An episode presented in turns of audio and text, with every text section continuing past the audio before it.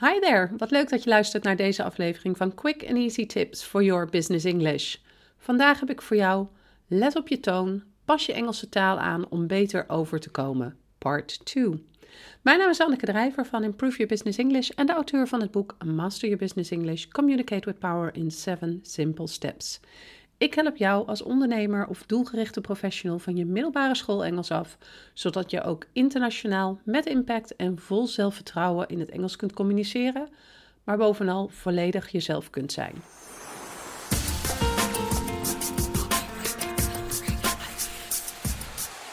Even een korte recap. In de vorige podcast heb ik besproken waarom het belangrijk is dat je goed overkomt in het Engels. Ook heb ik je verteld dat er grote verschillen zitten in hoe een boodschap overkomt aan de hand van hoe je iets formuleert. Remember?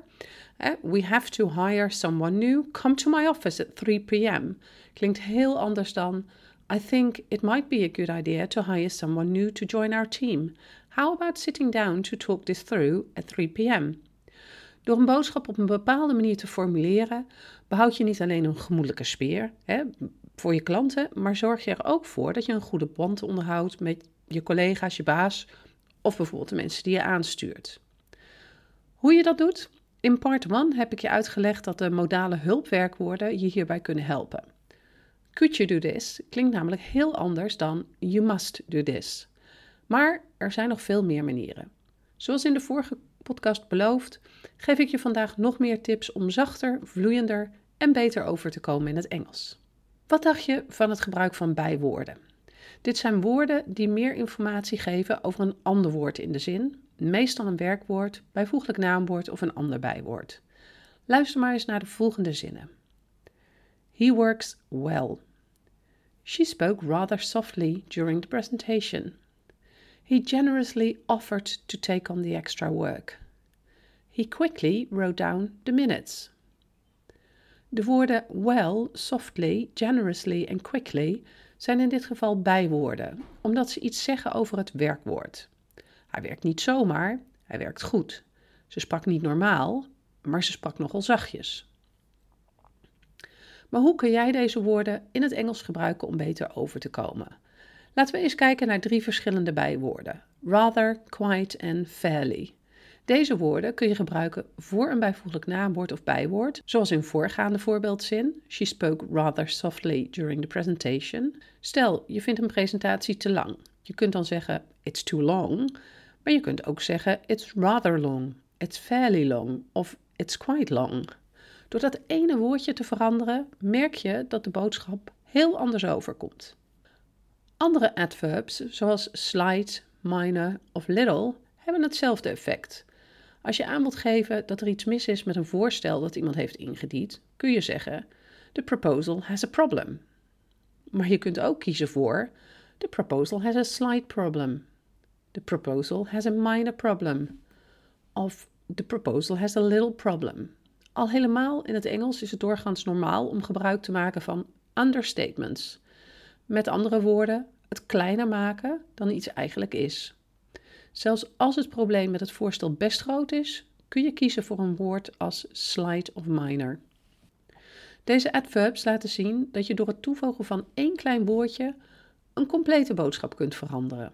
Door bijwoorden te gebruiken komt je boodschap minder forceful over en zorg je dus voor het behoud van een aangename sfeer voor je klanten, collega's, baas of bijvoorbeeld de mensen die je aanstuurt. De officiële term voor het minder assertieve van je uitingen maken wordt ook wel hedging genoemd in het Engels. Wat zijn nou andere manieren waarop je kunt hedgen? Er zijn woorden die aantallen of frequenties minder hard over laten komen. In plaats van there are mistakes kun je bijvoorbeeld there are a few mistakes, there are some mistakes of there are several mistakes zeggen.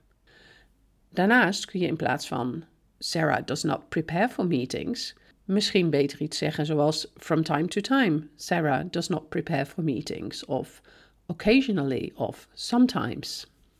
Het verzachten van je boodschap werkt ook heel goed wanneer je je eigen perspectief duidelijk uitspreekt. Dit doe je bijvoorbeeld door in my opinion, in my perspective, I wonder if of the way I see it te gebruiken. Op die manier neem je een diplomatieke houding aan die een grote hoeveelheid bijdraagt aan het verzachten van je boodschap. Ben je benieuwd naar meer informatie over het aannemen van een diplomatieke houding in het Engels of het behoud van een balans tussen een diplomatieke en directe houding, met name in crisissituaties? Luister dan eens naar de podcast Diplomatiek of Direct. Engelstaalgebruik in crisissituaties, waarin ik je duidelijk uitleg hoe je een diplomatieke houding aan kunt nemen aan de hand van praktische voorbeelden. De link naar deze podcast staat in het artikel van deze podcast op de website.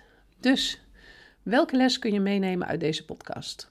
Voeg een paar kleine woordjes toe aan je Engelse spraak en je komt meteen een stuk zachter, vloeiender en beter over in het Engels. Dit is perfect in situaties waarin je je op een goede manier moet verhouden ten opzichte van je klanten, collega's of baas of bijvoorbeeld de mensen die je aanstuurt. Om de podcast te concluderen geef ik je een kort overzicht van de woorden die je hiervoor kunt gebruiken. Pak dus snel pen en papier en schrijf even mee. Daar komen ze. Well, softly, generously, quickly, rather, quite, fairly, slight, minor, little, a few, some, several, from time to time, occasionally, sometimes, in my opinion, in my perspective, I wonder if, the way I see it. Heb je vragen over wat ik in deze podcast heb uitgelegd? Laat het me dan weten onder deze podcast op de website en ik help je graag verder. Als je deze aflevering hebt geluisterd, zou ik het enorm op prijs stellen als je een review voor ons zou willen schrijven op SoundCloud of iTunes. Dit helpt anderen weer om onze podcast te kunnen vinden en daarmee hun Engels te verbeteren.